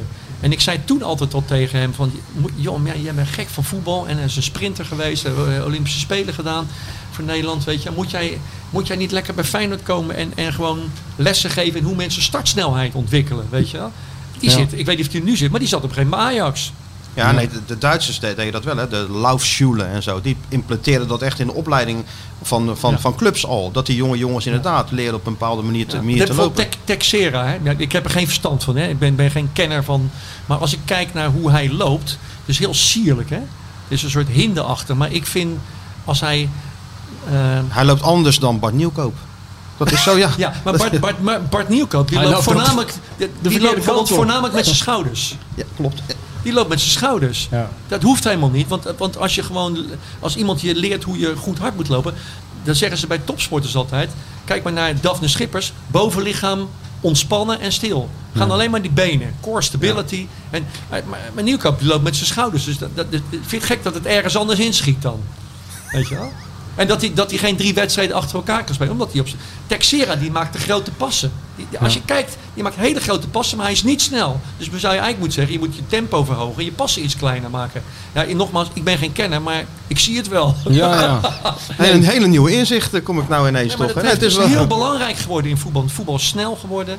En wat mij ook ontzettend stoort is dat, eh, eh, dat er nog zo ontzettend weinig spelers zijn die in één keer een bal door kunnen spelen. Ik, vind bijvoorbeeld, ik zag bijvoorbeeld bij Toornstra weer een paar keer. Toornstra kan dat echt heel goed. Die wordt vaak heel middelmatig doen. Ik vind het een hele fijne speler. Want als hij een goede doen is, er ook een paar slechte wedstrijden erop zitten. Kan die bal in één keer pasen zoals Berghuis dat kan. En dat versnelt het. Maar er zijn bij Feyenoord toch mensen die uit de traditie van vroeger. Vroeger als, als Uli van Gobbel, wat er eh, natuurlijk een enorme leuke vent was. Maar als hij een bal wa- wa- was je blij dat hij binnen de lijnen bleef. Waar of niet? Ja, nee, ja, Van Gobbel stelde heel vaak zijn eigen fout. En dan gingen de mensen dan voor klappen. Ja, dat, is ja, heel leuk hoor. Want ik ben ik Tuurlijk. fantastisch. Hele Hele aardige, aardige gozer. gozer, ja, nee, Super. Maar, maar voor topsport, want daar begin je over. Heb je, heb je die finesses denk ik nodig. En ik vraag me af of er bij een club als Feyenoord dat verder ontwikkeld wordt door, door die club beter wordt. Te lang is dat niet gebeurd natuurlijk. En dat had natuurlijk ook heel simpel te maken met geld weer. Hè, want alles draait natuurlijk om geld. En wat ze dan wel hebben gedaan is nadat ze die Champions League hadden gehad... is dat ze dat nieuwe trainingscomplex hebben gebouwd. En ook die op, eh, het, eh, de jeugdopleiding hebben... Hè, voor heel Varkenoord is, is verbouwd. Ja, daar zijn ze natuurlijk eigenlijk te laat mee geweest. Dat had ook veel eerder moeten Ja. gebeuren. Dus wat dat betreft denk nou ik is dat de dat, ze nog een, aan, dat, dat ze een hele inhaalslag moeten maken. Ja, maar nou is de accommodatie is er, maar, maar, hoe- maar hoe zit het dan met de jeugd? Ja, dat is dus ook weer wat, eh, wat minder. Hè. Kijk, want eh Bannis heeft nou gescoord die afgelopen keer tegen, tegen Emmen. Maar de tijd dat er eh, elk, elk jaar twee, drie spelers doorbraken bij, bij Feyenoord... Ja, die ligt even, even, even achter ons. En ik weet niet of dat nou alleen te maken heeft met de kwaliteit van de opleiders en, en de trainers. Maar ook heel simpelweg met dit, hè. Met pieken en dalen, met generaties. maar de ene generatie ja, wel, de andere niet. Dat geloof ik niet. Het is ik niet geloof daar wel in. generatie, want er is zoveel potentieel in een stad als Rotterdam en omstreken, dat je mag verwachten dat er altijd talent uit voor. Wat was het nou dan nog niet twee, drie weken geleden met, met de, de zoon van Van Persie eh, uit potje Ajax? 2-8 of zo? 2-6? Ja, die man wel zijn wereldgoal was dat. En Ja, liep nog zo jong is. Dat was helemaal een mooie goal. Ze- Die Ajax of daar, zo. Volgens mij met, Ja, ja. met 2-6, 2-8. weet Ja, zoiets, ja, ja, ja. 3-8, Een hele rare uitslag. Dat, ik heb toch wel vaker tegen Amsterdamse vrienden van mij gezegd van... wacht maar jongen, er komt nou een, eh, lichting aan, weet je. Maar, de, maar de, die ontwikkeling moet... Ja, je moet, dan- dan, zou toch iets van door moeten komen. Ja, dat zou je denken, ja. Alleen ja, je hebt echt, echt te maken. Kijk, een aantal jaar geleden had je die lichting met eh, De Vrij, Martins Indy, Klaasie. Die, die- uiteindelijk, Ja. eh, die verloren met 10-0 van PSV. En twee jaar later stonden ze in de halve finale van het WK. Ja. Dus zo kan het ook gaan. Ja. En die zijn er eigenlijk alleen maar opgesteld uit geldgebrek. Uit geldgebrek, hè. toen de noodhoog was, ze hadden niemand meer. Oh, we hebben, we hebben Varkenoord nog een paar jongens. Laten we maar eens even kijken. En eh, wat ik ook opvallend vind aan, aan die lichting is De Vrij, topverdediger nu, de beste Ja. van de Serie A. Geweldig. Bij Feyenoord, nou, ze wisten het niet. Ja. Ieder jaar Ja, maar- maar eens kijken of hij nog een jaartje Ja, verder maar komt. dat is dus, het, het heeft ook te maken met dat je het aandurft. Hè? Want bijvoorbeeld eh Wijnaldum, ik weet hoe dat, daar had ik zelf trouwens ook al kritiek op toen hij jong bij Feyenoord kwam. Dat het iemand was die, volgens mij schreef Van Hanegem dat wel eens in zijn columns, dat hij vaak, te vaak naar, de, naar, naar beneden keek, naar de bal keek. Weet je wel? In plaats van kijken waar mensen zijn. De, eh, als die bal op je wordt toegespeeld, dat doet de Vrij bijvoorbeeld altijd. Als er een bal de Vrij komt, zie je hem eerst nog even Kijkt rondkijken. ja, ja. Dus hij weet waar iedereen staat. Wijnaldum moest dat gewoon nog ontwikkelen. Was een jongen van een 17, 18 die in Logisch de eerste toch? kwam. De jongste Logisch. debutant, 16 jaar was hij geloof ik. Gun ze de tijd. En nu, en nu, nu, ja, nu zeggen we, ja, ja, die banners, dan is het weer een Marcel goaltje. En Ja, maar gun, maar gun ze doen. die tijd, eh, daar, daar, daar, dat, dat heeft niet zoveel zin. Want Feyenoord kan het ze wel gunnen, maar daar gaat Feyenoord zelf niet over. Weet je wel? Als er drie keer wordt verloren met jeugdige spelers die niet voldoen, dan komt er zoveel eh, druk eh, te staan op trainers, op die hele club. Ja, ja maar Maar dat, dat klopt dat, niet, want dat er wordt ook drie keer gelijk gespeeld met, goede, met, met volwassen Ja, spelers. maar dat, dat telt. dat- je hebt wel helemaal gelijk, rationeel Ja, gezien. dat is goed maar op- horen. Ja, ik ga deze opmerking eh, er even uit Kan laten die eruit knippen, Maurice? Zometeen. Ik meen het ook helemaal niet. nog, nog heel even, ik loop Nee. hier zo weg. Hè? Ja, We gaan ja. jullie samen maar weer door. Hè, hè, dan kan ik eindelijk eens een keer mijn verhaal doen. Maar ehm, nee, dat is wel, je kan wel zeggen, geef ze de tijd. Maar dat heb je zelf niet in de hand. Als je vier keer bij Feyenoord verliest, of vijf keer. Staat maar- er Drie keer. drie keer eigenlijk. Dan sta ik al klaar. Tegenwoordig al, tegenwoordig al na één Ja, keer. dan sta ik al klaar met een klein zaagje. Dan Ja, komt er is ook Martijn- ergens en dan een- leer jij een hele andere Martijn Krabbendam kennen. Nee, Nee, maar er is toch een middenweg. Je zou toch kunnen zeggen, natuurlijk Zeker, als je zes jeugdspelers opstelt, loop je wel heel veel risico. Dat is zo. Alleen, weet je wat het is? Als je spelers ziet debuteren, dan weet je het gewoon eigenlijk al. Van Persie wist je gewoon. Ja. Zeker de vader uit de jeugd. Die kwam erin, Rode SC thuis. Ja. No problems. Wijnaldum, je wist het. Vilena, je kon het ook zien. Boetius zelfs met zijn debuut tegen Ajax, dat Ja. hij dat hij scoorde. Je wist, dat zijn gewoon goede spelers. Dus eh, Weet daar, na- zijn er weet toch het te... na één wedstrijd? Wat, wat zeg je dan nu over Bannis? Nou, die heeft over vorig jaar ook al gespeeld. Uh, Bannies, eh, wat, in het, voor de toekomst Ja? denk ik niet dat het de spits voor, voor Feyenoord gaat worden. Nee. Omdat ik het afzet, omdat ik het afzet tegen die, eh, die andere debutanten. Het is gewoon zo. Ja, het is vervelend. Ja. Terwijl die jongen natuurlijk wel gunt. Want ja, die- kijk, en het is ook moeilijk nu hè, voor, die, eh, voor die jeugd van Feyenoord door dit, dit gezeik allemaal. Onder 21 kan niet, eh, kan niet trainen, want het is geen profteam. Dus we moeten in groepjes van vier lopen Hannessen. Die Bannies heeft geloof ik wekenlang geen wedstrijd Ja, gespeeld. dat is toch heel knap. Ja, Dick haalt hem gedaan. erbij, Dick haalt hem erbij. En, Dick vertelt nog even 38 keer dat hij er helemaal geen vertrouwen in heeft in de publiciteit. En succes verder. En die zit, jongens- in je. en de jongen scoort. En, die jongen en Dick staat klaar. Ja, en, Dick, en, en na afloop zegt Dick, oh, hij heeft aardig gedaan Aardig. en zo. Ja, dan- wordt hij weer die ouderwetse trainer. Ja, maar dat is dus, de- ik denk dat er een aantal dingen niet kloppen in, in eh, want hè, als ik het zeg over Mhm. begeleiding van spelers op het gebied van, eh, van, van hun lichaam. En, op ge- gebied van begeleiden, dat je zelfvertrouwen ontwikkelt en dat je tegen een stootje kan. Dat is ook een deel van je werk als je, bij, als je, als je een club hebt. Ja, of als ja. je trainer bent. En als je dat niet ontwikkelt bij een club. En er ontstaat bij iedereen maar weer kuipvrees. Of na één keer zeggen, ja, niet goed genoeg. Ja, dan kom je er nooit met Nou, je die je kuipvrees, dat is natuurlijk niet waar. Want die kuipvrees die ontstaat vooral bij jongens die van buiten afkomen. En dat heeft Feyenoord Ja, altijd wel goed voor elkaar gekregen. Dat, of het nou de Vrij was, Wijnaldum. Had een hele rijtje. problemen mee. Niks, no problem. Nee, dat is waar. Eh, Graag in die kuip zelfs. Hè? Dus Ja. dat is wel iets dat... eh, Ja. Daar groei je dan wel mee op bij Feyenoord. Met de druk van, dat, van, van, van het moeten. Dat Ja. hebben ze dan wel. Maar ik denk echt dat het een kwestie van kwaliteit is. Als je naar onder 21 kijkt, nou, die hebben al moeite met wedstrijden te winnen. Ja, het is gewoon zo, eens in de zoveel tijd heb je gewoon mindere lichtingen. En daarna komt er weer een hele goede lichting aan. Ik geloof dat er nu in de jeugd van Feyenoord echt wel weer goede lichtingen aankomen. Moeten we even een tijdje geduld mee hebben. En ze, Feyenoord heeft dan niet het geld als Ajax. Want die doen wel net alsof ze natuurlijk geweldig jeugd op, op, opleiden. En doen ze natuurlijk ook wel. Maar ze halen tegelijkertijd ook spelers voor een paar miljoen uit Denemarken. Ja, die komen op een zestiende binnen. En dan zeggen ze, "Eh, heb je er weer eentje? Ja, uit Denemarken. Voor heel veel geld. Ja, ja dit, is, dit, is dit is een pijnpuntje. Ik zag laatst ook weer eens zo'n dan, eh, zo'n een of andere reclame. Ik weet niet waar, waar het was. Dan zie je, wat, wat eh, zijn er in Nederland toch ontzettend veel goede voetballers. En dan zie je Cruijff. Dan denk je, nou, dat is ook een, een hele goede voetballer. En dan zie je daarna zie je, eh, Van Basten. Van Basten. eh Rijkaard, Bergkamp. Bergkamp. denk je, ja, ko- komt Van Hanegem nog? Hey, die En komt dan niet. En Koemelijn. En Henk Wery. Manus vrouw deunt. Hè? Hè, dat, dat Ah, hoor je. Daar hoor je nou mensen nooit. Nee, wij Bij zijn. Hè, daar hoor je dan niemand over. Gewoon aanvoerder van het Nederlands elftal geweest, hè, Benny Wijnstekers. Ja, de Hè? hele tijd ook. Laten we dat niet vergeten. Van de Lost Generation. Lost. Generation. Maar toch. Maar toch. Ja, zeker. toch? Nee, maar wij, wij, daar, wij hebben het dus daar vaak over. We hebben het ook vaak over het imago van Feyenoord, het imago van Rotterdam. Erg, nu we toch even wil, eh, zijn, al zijn pijnpuntjes even. Het is ook een therapiesessie dit. Ja, je, mag- je mag er ook bij gaan liggen. Je mag ook terug, duidelijk. ja. ja, Nee, waar, we- waar jij je ook aan kan ergeren, en dat, dat, die ergernis delen wij een beetje, is de, de, de ongelooflijk clichématige Ja. manier waarop er over de stad Rotterdam, de mensen in Rotterdam en ook daardoor over Feyenoord wordt gesproken. Wij kunnen gewoon helemaal niet meer tegen mensen die met een tasje rondlopen waarop staat niet lullen maar poetsen. Of eh, Doe even, ja. eh, weet je wel. Ja, ja totaal. Ja, dat, Alsof als je Rotterdam, daar- alsof het hier nog altijd 1952 is gebleven voor buitenstaanders. Dat vind ik altijd heel raar.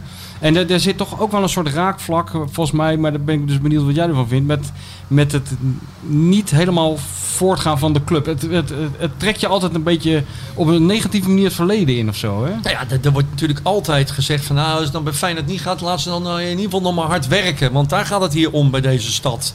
Nou, volgens mij sterft het van de werklozen hier zo. Dus zo hard wordt er nou, kan er ook niet gewerkt worden. Nee, en smiddags zitten al die terrassen vol. Meestal zit jij er trouwens op. En jij ook. eh, ja, ik ook. Nee, maar opgestroopte mouwen, weet je, hoe hou je het, hoe hou je het Ja. in je hoofd, weet je. De mouwen, die moeten naar beneden. Moet je, met een knoopje moet je ze dicht houden beneden. Je moet niet opstropen.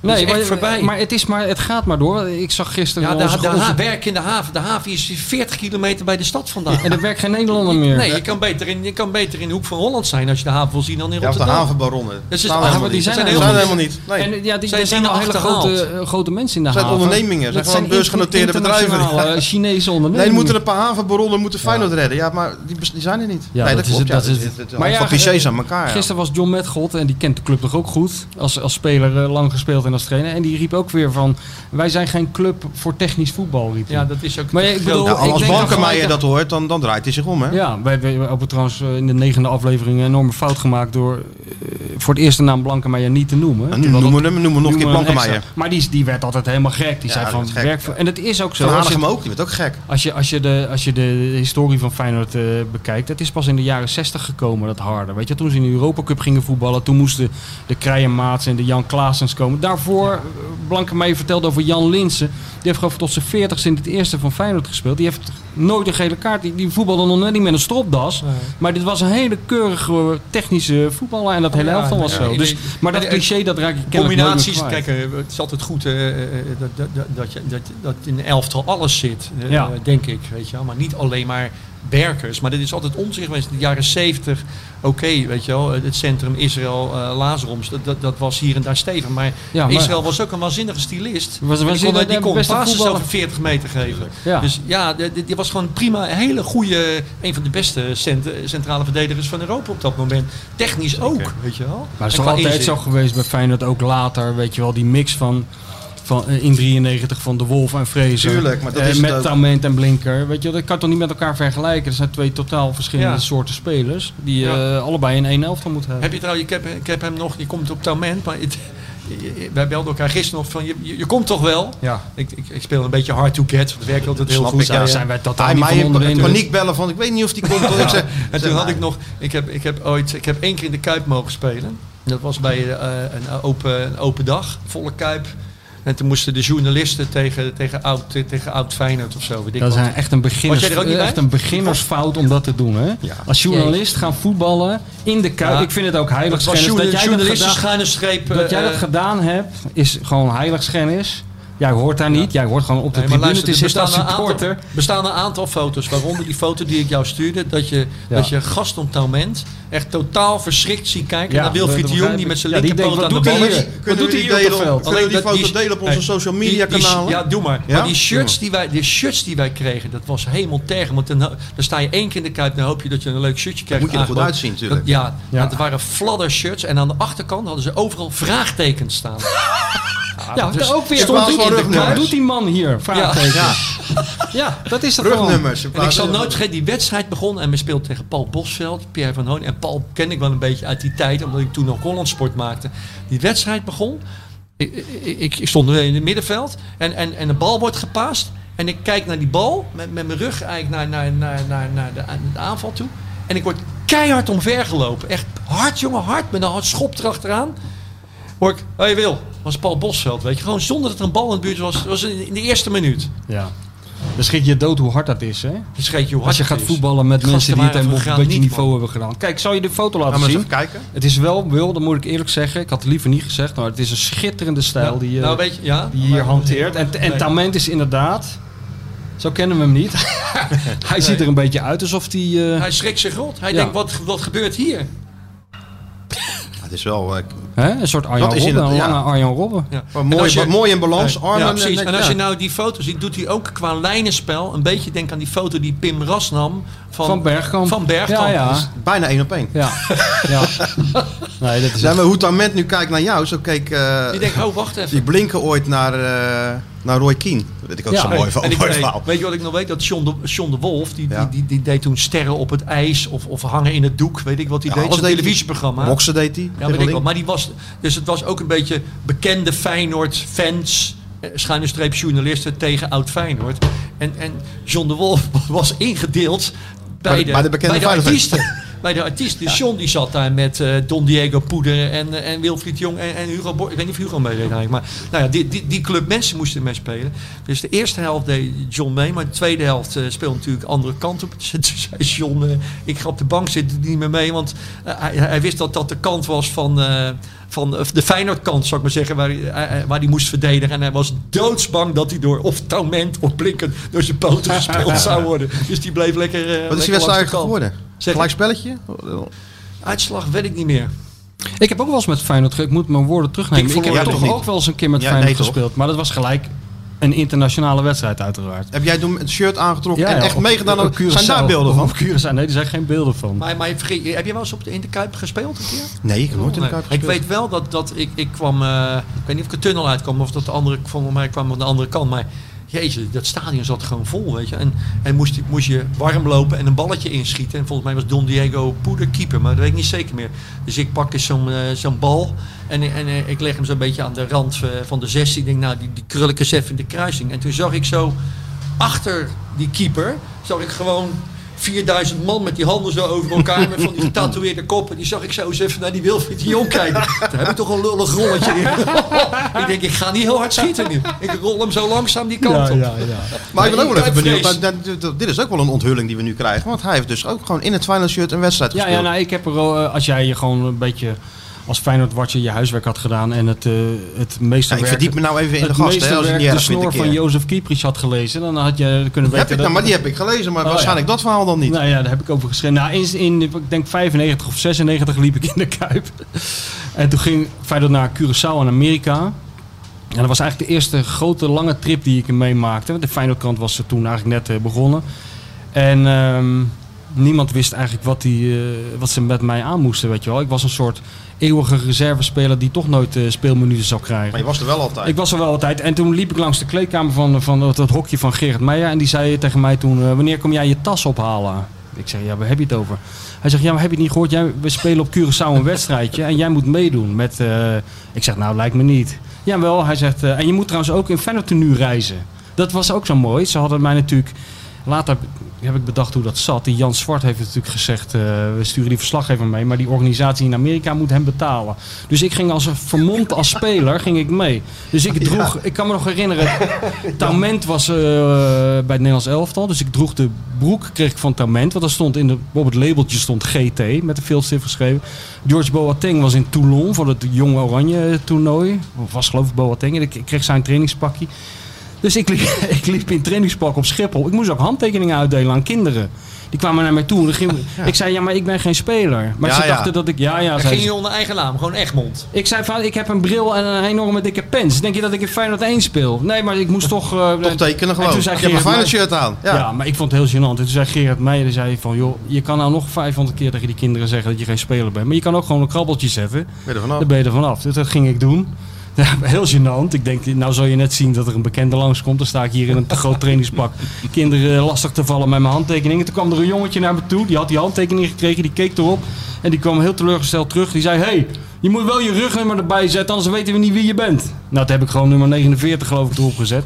Maar anyway, toen zijn we naar Curaçao gegaan. En... eh, en, en Meijer zei van, jij moet mee, we voetballen daar een vriendschappelijk wedstrijdje.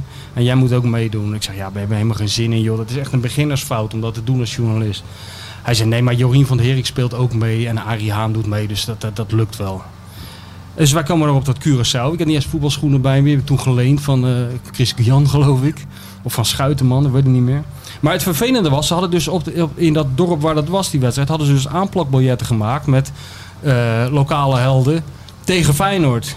Niet tegen Feyenoord tussen haakjes oude lullen en een journalist met een dikke pens. Maar het echte Feyenoord. Maar het echte. Dus er zat het de halve stadion zat vol met mensen die Ronald Koeman en Henke Larsson verwachten. En toen kregen ze Sjaak Troost en Michel van Egmond.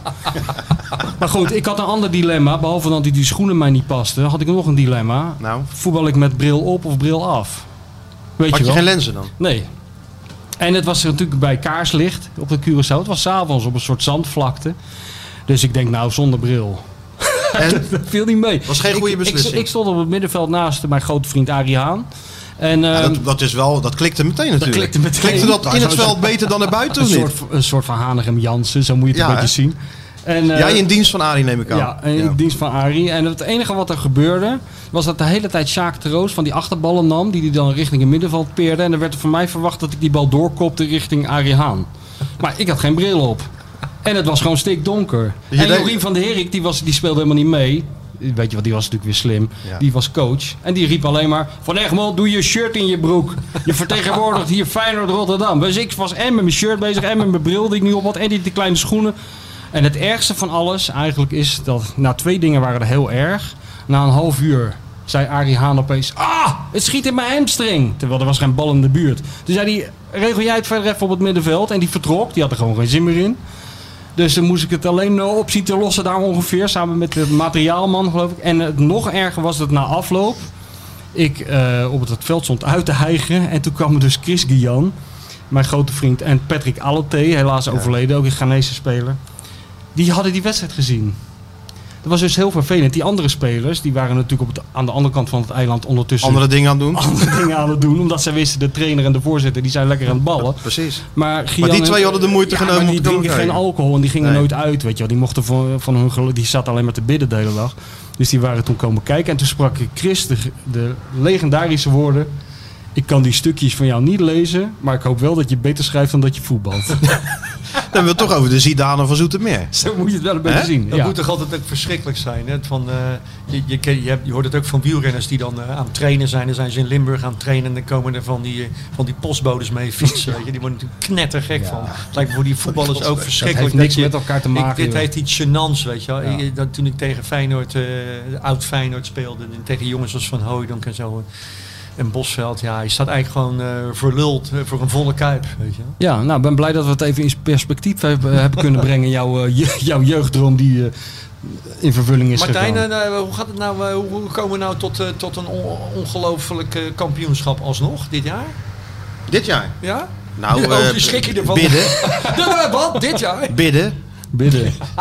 nou, Meer jongens, kan ik er ook niet van maken. Het kan wel. Ja, kan ja wel. nee, het kan niet. De re- de- Nee. Nee, het kan niet. Maar als je nou die wedstrijd Willem II uitneemt, kan Ja, dat zou, als, als dat de standaard zou zijn, dan zou je een, een kans maken. Maar Ja. je ziet nou al dat het toch veel te, veel te smal is allemaal. Ja, maar paar het is wel blessures en er is geen spits meer. En, en ja, kijk, dit kan niet toveren. We denken het soms wel eens, maar... Ja, maar de concurrentie, ik bedoel, Ajax eh, wordt nu bijvoorbeeld getroffen door het corona. Er kan natuurlijk wel hele gekke dingen gebeuren met dat corona. En eh, het is wel een andere competitie dan normaal. Ja, maar dan nog, dan nog zie ik het gewoon niet gebeuren. Godsamme, het Het is de tiende uitzending, we hebben taart. Ja, maar ik, ik, ik moet even van dat, ja, maar ik moet, ik, ik moet van dat dit. Positieve imago. Nee, maar te kijk, veel maar- mensen zeggen tegen Ja. mij, wat is er met Dat je is- dat gebeurd? waar. Ja, nee, maar la- probeer nou nog eventjes, kijk. Ja.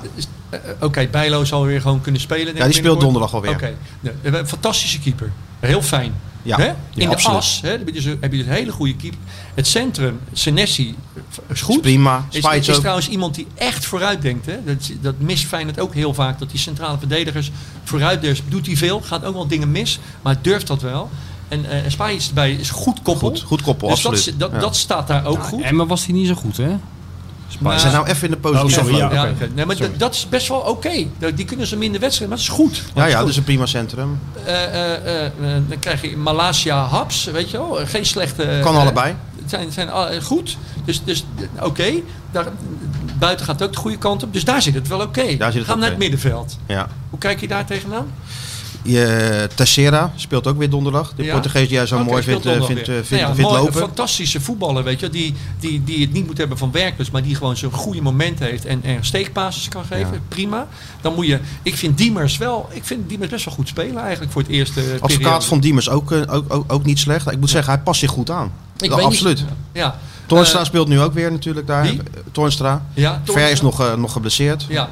Ja. Ja, en dus voorin- middenveld ook niet zo'n, eh, eh, eh, misschien Europees niet, maar gewoon landelijk eh, eigenlijk geen probleem. Nee. Dan- dus eigenlijk heb je voor het probleem zitten dan, of niet?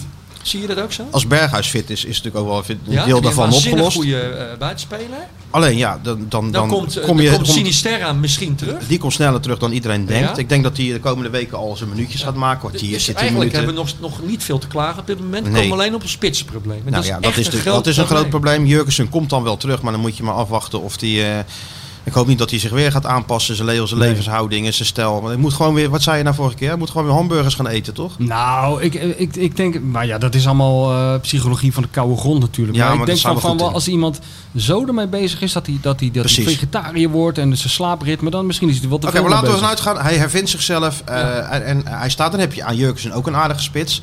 Alleen dan moet het wel, dit elftal moet dan wel blijven. Dan kan je, Ja. niet, je, je, je kan niks leiden. Nee, je- Schorsing, en als je drie wedstrijden in de week, dan gaat natuurlijk wel eens wat mis. Dat, Ja, dat de is- spelers die gekomen zijn, Teixeira, Spajic. Kijk, Spajic kwam met een, eh, een scheurtje in zijn voet. Teixeira kwam eh, vijf wedstrijden heel het jaar gespeeld vorig jaar. Ja, weet je. Teixeira, eh, heeft vijf wedstrijden zijn hele loopbaan. Ja. loopbaan. En, en eh, Conte, die Duitse aanvaller, ja, eh, problemen met zijn hamstring. Dus alles wat er binnenkwam was niet fit. Nee. En dat kost dan weer tijd en zo. Dus ja, ik vind het gewoon, daarvoor zeg ik ook dat het ontzettend knap is. Wat fijn dat nu aan het doen is. Ja, Vind ik. Zo, zo kun je het ook zien. Ja. En als het nu even Alleen- een lijstbehoud is en je, en je komt die periode te boven en mensen worden fitter en je kunt een Nou ja. tijdje door, dan weet je het nog niet, want ze staan drie punten achter op de Als ze dat zo houden inderdaad. Tot, en, en kijk, en januari is, eh, is de maand hè, met al die toppers achter elkaar. Ja, Ajax, dus Feyenoord, Feyenoord, Ajax, PSV, Ajax. Ook, ook de maand waarin je Berghuis kwijt kan raken. Of niet? Het is zo jammer dat we nou heel... Ei- ei, we zitten helemaal die, die, die, die lijn te pakken van we zijn weer positief. Dan Kom krijgen we dit weer. En dan kom En jij weer. Nee, maar dan heb je echt een probleem. Dan heb je, ja, dan heb je wel een probleem. dan ja. kan je wel opnieuw Maar beginnen. zit jij je nou toch weer in het elftal te lullen? Hoor ik dat? Ja, ja, ik eh, wou er toch eventjes... Misschien zijn er toch nog wat beelden van, van die wedstrijd in Cuba. Het is wel een internationale wedstrijd. Weet je wel? Ja. Heb, moeten we je rubriek nog even doen? De, nu, nu even Nou, niet. Ik, ik moet eerlijk zeggen dat ik was zo bezig met onze topgast te produceren. Want Ja. dat valt inderdaad niet mee. Want je moet, je moet echt op je knieën voor, voor Wil. Want het is... Nou, eh, ik weet niet, volgens mij uh, de factuurtjes uh, worden niet... Uh, factuurtjes, ik hoor alleen maar factuurtjes, weet je wel. Van, kom je langs, ja, ik heb wel het factuurtje. woord- ik heb Hoe wel laat nooit- begint het? Factuurtje. Ja, ik heb wel het nooit Negro Amaro uitgesproken. Ja, ja, ja, dat komt allemaal helemaal goed. Maar... ehm, het, dus toen, ik was er zo met mijn voor, hoofd... voor de mensen die dat niet begrijpen, dat is niet de nieuwe spits van Feyenoord, maar dat is rode wijn. Was het maar waar, ja. Nou, dat, klinkt wel als, dat klinkt wel als een spits. Ja, zeker. Als die in het centrum staat, Negro Amaro. Nee, ik wil Maro. Ja, Twee keer. Ja, precies. Ehm, Dus je hebt niks voorbereid? Nou, niks voorbereid. En laten we het nou allemaal gewoon zeggen zoals het is. Vervolgens dacht ik van eh, even kijken wat er van mij verwacht wordt. Dat was geen draaiboek.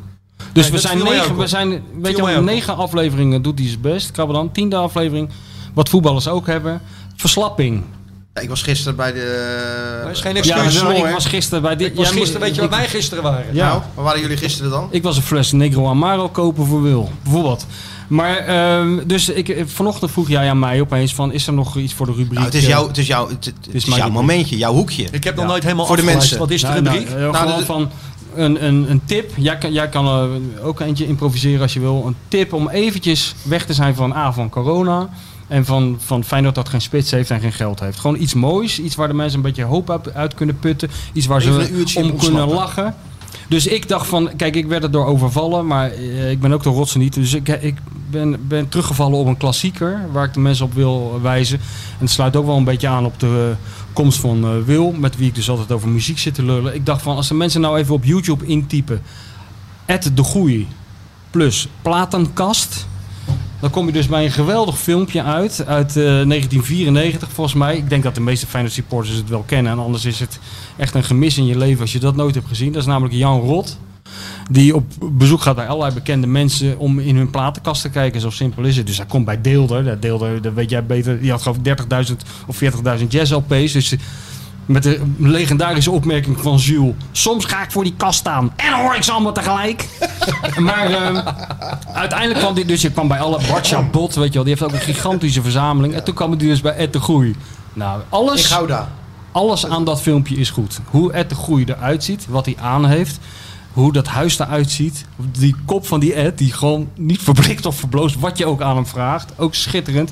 Die Jan Rot, die verschrikkelijk zijn best doet om iemand te interviewen die niet te interviewen is. En het, de platenkast zelf is dus een soort paaltje. een soort, ja, Wat je vroeger dat- wat had. je vroeger van de A naar B langs de weg had. En dan een kastje en dat doe je dan open. En daar zaten dan alle cd's in. Dat waren denk ik een stuk of dertig. En die gingen ze dan doornemen, weet je wel. En, en je ziet dit, ook de moedeloosheid van die Jan Rot. Want eh, ja, die Ed die Noem geeft... één, eh, Ed, CD. Ed geeft allemaal van die Ed de goede antwoorden. Van, eh, ja, waar hou je van? Ja, mijn vrouw houdt eigenlijk meer van muziek. Die heeft meer smaak dan ik. En dat soort In dingen. principe zeer zeker. En, uiteindelijk, ja. Zeer zeker. en uiteindelijk krijgt hij dus een... als dank voor zijn deelname krijgt hij een platenbon. En dan vraagt Jan Rot, die echt op het eind van zijn Latijn is... die vraagt dan, wat ga je daarvan kopen? En dan zegt Ed de Groei... Nou, ik denk iets van Dire Straits... En dan is iets van Queen. En dan kapt die Jan Rot ermee. Dan, zie je, dan denkt die Jan Rot bij zichzelf... Nou, hier, begin, hier kap ik lekker mee. En dan gaat het kastje dicht en is het klaar. Maar het is gewoon... Om eventjes weer eh, weg te zijn uit de sfeer van eh geblesseerde spelers, et cetera... vond ik dat wel een Toptip. tip. Ja, toch? Heerlijk. Ed de Groei. Ed. We moeten onze vriend nog even bellen eigenlijk, hè? Ja, nou, we De moeten, man die onderdeel is van, eh, van ons grote succes met al die miljoenen luisteraars. ja, we moeten ook Met nog zijn even... eigen rubriek. We En moeten hebben nog we het wat. over? Chris? Nee, Mario. Mario B. Nee, Chris gaan we moeten we nog inschakelen voor de, voor de merchandising en eh, andere com- commercie hè, die we gaan doen.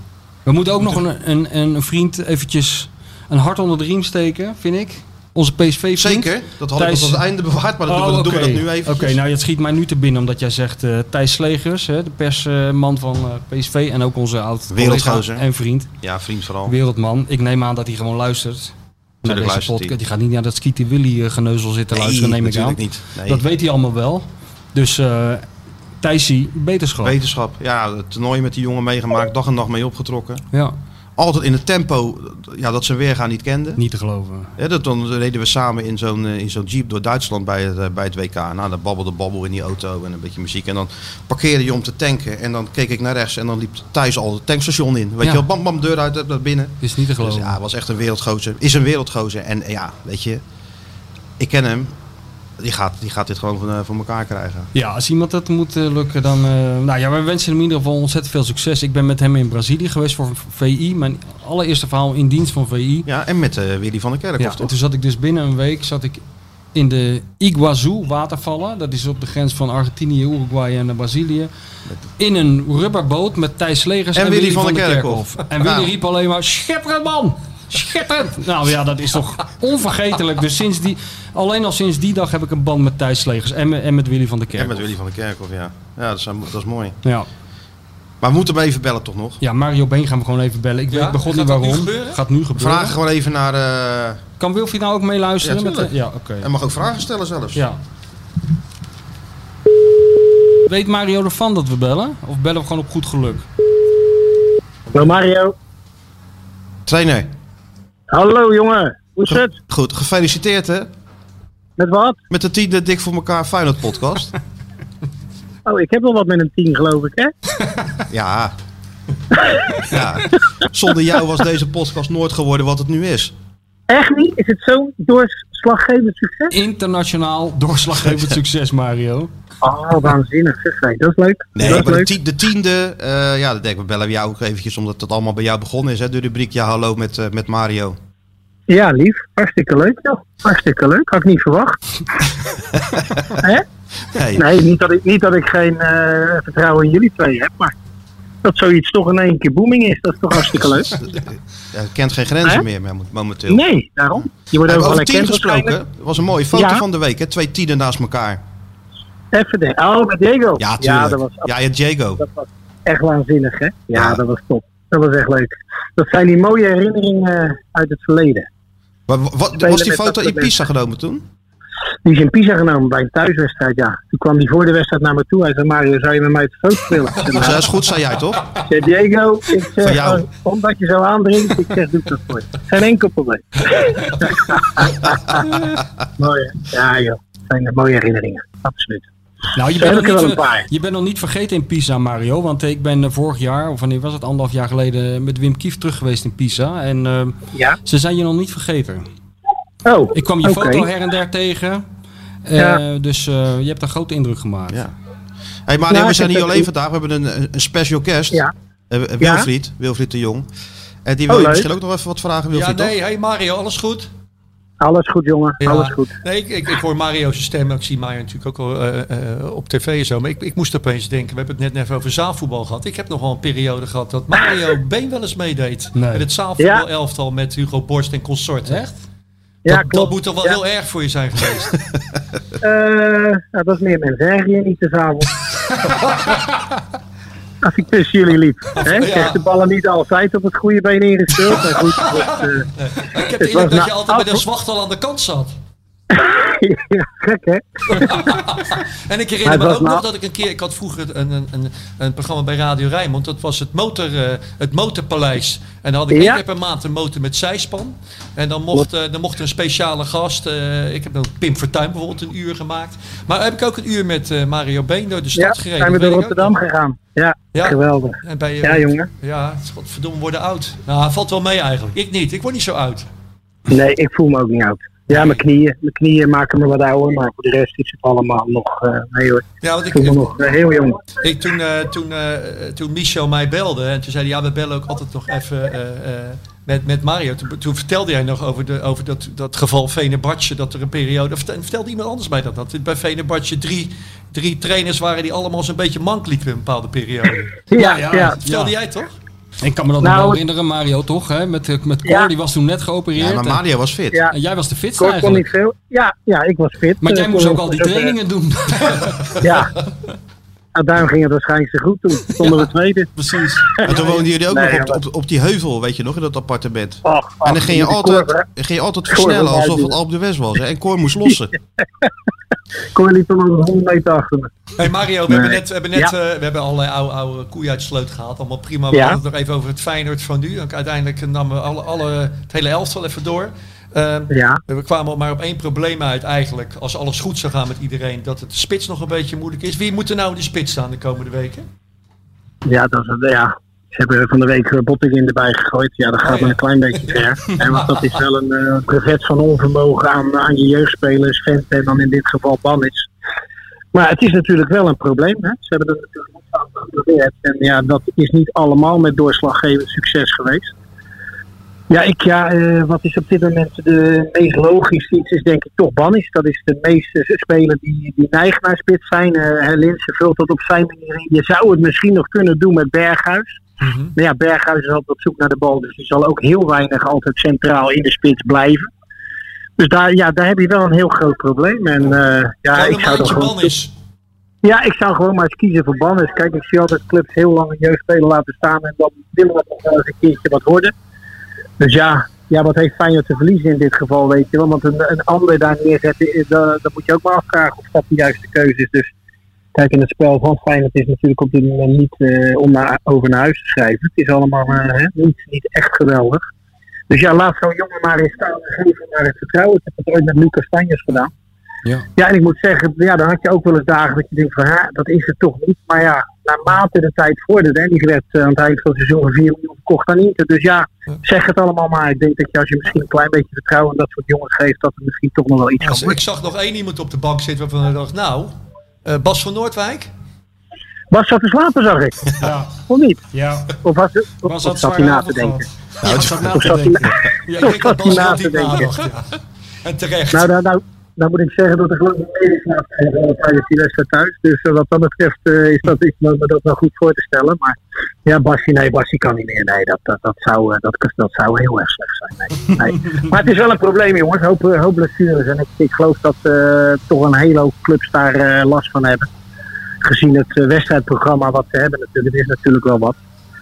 Maar ja, goed, eh, ja, je moet het zo goed mogelijk eh, zien te rooien op dit moment. En eh, beginnende donderdag weer, hè? CSK Moskou thuis. Zo is De dat. oude, oude club van Igor Korniev. Ja. Oh, Ja. ja. Ja. Ja, en ja. Ejuke speelt er nu, hè? Ejuke. Voor 12 Ken je miljoen. nog? Ja? Ja, die had Dick ook willen hebben. 12 Ejuke. miljoen. Die had Dick ook willen Daarom hebben. is... Ja, dat zo, die had ik zeker willen hebben. Ja. Alleen ja, het was Ja, in februari. 12 miljoen werd lastig. Dat werd We lastig, maar dat, dat, dat was minder geweest natuurlijk als, de, als ze eerder waren gekomen. Maar dat kon niet meer door, de, door dat corona-gedoe. Nee, Dus, eh, nee, dat is ook zo. Maar goed, het is eh roeien met de riemen die we hebben op dit moment, jongens. Het is niet dat. anders. Nee. Oké Mario, nou we gaan het zien. Ja. Donderdag. Bedankt weer. Ja, bedankt dat je weer, Ook hè? eh, bij de Goed. jubileum, jubileumuitzending eh, wilde zijn. Graag gedaan, jongens. Absoluut. Oké. Heel veel tot- succes. Tot en snel. we hè. zien elkaar snel. Zeker. Groetjes. Hoi, hoi. Ciao, ciao. Doei, doei. Ja, die variant van, eh van Bottekin, daar was Dick eigenlijk wel trots op. Dat was Ja. de chaostheorie. Bottekin er neerzetten en, en daardoor eh onrust maar- maar dat creëren. gebeurde- En dan Baddies binnenkoppen. Dat zei hij. Klopt er wel. Maar er Ja. gebeurde helemaal niks toch eigenlijk? Nee, er eh, gebeurde niks. Nee. Ja, je moet alles, alles een beetje proberen. Ja. Vraagjes? Hey, moeten we niet een keer eind aan maken? Hoe lang zijn we? Ik heb het idee dat we vier uur bezig zijn. hoe lang zijn we bezig? Niet, kapot, die wil, die kan niet meer. Ja, Oh nee, dat, nee dan. Nee, geen vragen meer doen dan? Ja, Ja, altijd. Tuurlijk. altijd vragen. voor de Ja, mensen vragen. toch? Oké, Ja. voor de mensjes. Oh, omdat het een jubileumuitzending is. Extra lang. Ja, een extra lange jubileum. Anderhalf uur gewoon maken, twee keer drie kwartier. Ja. Ga ik even de, de Jullie krijgen vragen van, pakken. eh, van eh, Ja. luisteraars. Fans zou ik zeggen. van Fans? Fan, Ja, van zo. luisteraars een beetje. Fans. Afos, Heb je geen, heb je geen haters bij dit programma? Nou, die komen nu wel hoor. Ja, denk die ik. komen wel, ja. ja. Ik heb één vraag. ehm, Eentje maar. nou, één vraag aan, aan, Die aan, ene aan. Michel. Want ik ken, ik, ik, ik ken hem niet. Maar de Bello, zo heet deze man, die wil het heel graag weten. Klopt de anekdote over de gelijmde telefoon op het dashboard van Van Gobbel? En kan je deze even smeuig vertellen? Nou, dat zal ongetwijfeld kloppen, maar ik weet helemaal niet waar Bello het over heeft. Ik ook niet. Het, het weet helemaal het niet. Het klinkt wel heel goed, dus misschien kan hij zelf een tipje van de sluier eh, oplichten en het eh, aan ons laten weten. Ja, Want- of misschien moeten we gewoon dan volgende keer even bellen. Met, Even eh, Oeli bellen. Ja, Bellen met Bello. bellen met Bello. bellen met bellen of, bellen met, Oeli. Met, Oeli, ja. maar als dan nou zijn telefoon aan benieuwd zijn- naar. aan zijn dashboard vastgelijmd zit, wordt dat wel een moeilijk gesprek. Dan moet Oeli niet gaan rijden tijdens het gesprek. Ja, en de, rest van de vragen hebben we eigenlijk wel zo'n beetje eh, behandeld, zie ik nu. Ja? Ja, we waren Zo. toch wel op. We waren een beetje ons, als een eh, nachtkaars uit deze uitzending zo, vind je Ja, dat gaat, dit gaat hier toch nooit. Oh. Het was leuk toch? Een uur en een kwartier. Jij bent al lang weer over, je, over het budget heen. Ja, is, maar dan ben je als dan ben je normaal al is het na drie met kwartier zit hij al eh, zo en, eh, en deze te maken. Met Maar, dat budget van Peter Wekking kan ik eigenlijk de, de straat niet eens uit. Dan ben ik er eigenlijk al overheen. Ja. Maar goed, we doen het allemaal uit liefde voor eh, VI absoluut. en voor Feyenoord. En we zijn blij met het team en we zijn blij dat, eh, dat je te gast wilde zijn. En we sluiten hem af met de beste tompoes van, eh, van Nederland. Dat wil ik toch even gezegd hebben. Bakkerij Holtkamp uit Maasluis. Jullie weten dadelijk niet wat je proeft. Maar je, jij hebt het in Maasluis gekocht. Dan ben je naar Rotterdam gereden. Je hebt anderhalf uur uitzending. heb maar je denkt dat die dingen nou ja, niet nee, maar zijn. dit- dit- daar zijn ze, ja, nee, maar daar zijn ze juist. Daar kunnen ze heel goed tegen juist. ja, ja. Deze tompoezen. Wil, kom je nog een keer langs? Ik, kom, eh, ik kom nog een keer Een langs. want keertje? Ik heb echt, je zin eh, hebt. ik heb echt heel veel te vertellen. Ja, ik heb ja. het nou niet gedaan. Maar Nee, nee, je zit je in te houden, daarom, dat zie ik. Ja. Oké, we gaan En ik, ga- en ik beloof, en ik beloof, ik ga ja- even jazz luisteren. Ja, jij gaat Heb je nog een tip dan? Ja. eh, Wat moet ik nou wat, als eh, beginner, waar moet ik mee beginnen? Nou, wij, wij, zo gewoon Kind of Blue maar Ja. weer doen. Ken je Kind of Blue van Miles Davis? Ik heb er werkelijk nog nooit van gehoord. Nou, nou, wij hebben een hele uitzending daarover gemaakt. Dat is mijn tweede tip voor de rubriek waar, die ik zelf verzonnen heb, waarvan ik de titel altijd vergeet. Om- Mijn rubriek, hoe heet die ook alweer? Nu even niet. Nu even niet. Dan ga je even naar, eh, weet ik van waar je heen gaat. Maar Wil en ik hebben dus een hele uitzending gemaakt over die plaat. het- in de wereld draait door. In de wereld draait door. Ja. Dus dat is jouw Dat huiswerk? is de best verkochte jazzplaat aller tijden. Ja. En dit is, de best, dit is de beste wijn aller tijden. Die heb ik voor jou meegenomen. Is dat de spits van Niet zo Feyenoord? vies kijken erbij gelijk. Ik weet niet wat het is. Er heeft iemand erop geplakt. Oké, nou. Geef je dat bonnetje meteen op, wat declareren? Ik dat- of- Nee, dat doe ik allemaal uit liefde voor Wil betaal ik dat helemaal uit eigen zak. nou, tien keer eh, dik voor elkaar. Het zit erop. Volgende week Lekker eh, de 11e. En bedankt allemaal voor het luisteren. Hé, hey, eh, mafkees, wat, wat ben je aan het doen? Kuit kan het al heel snel doen. En doet het. Kuit doet het. Pierre van Hooydonk. En ja! Het is Pierre van Hooydonkavond. Het is de Pierre van Hooydonk elkaar communiceren, met elkaar praten, dat is toch een heel groot probleem hoor. Natuurlijk staat dit schitterende stadion bekend om zijn sfeer. Maar zoals vandaag heb ik het nog echt eh, zelden meegemaakt. Ik denk dat ik dat gezegd heb, maar dat heb ik niet gezegd.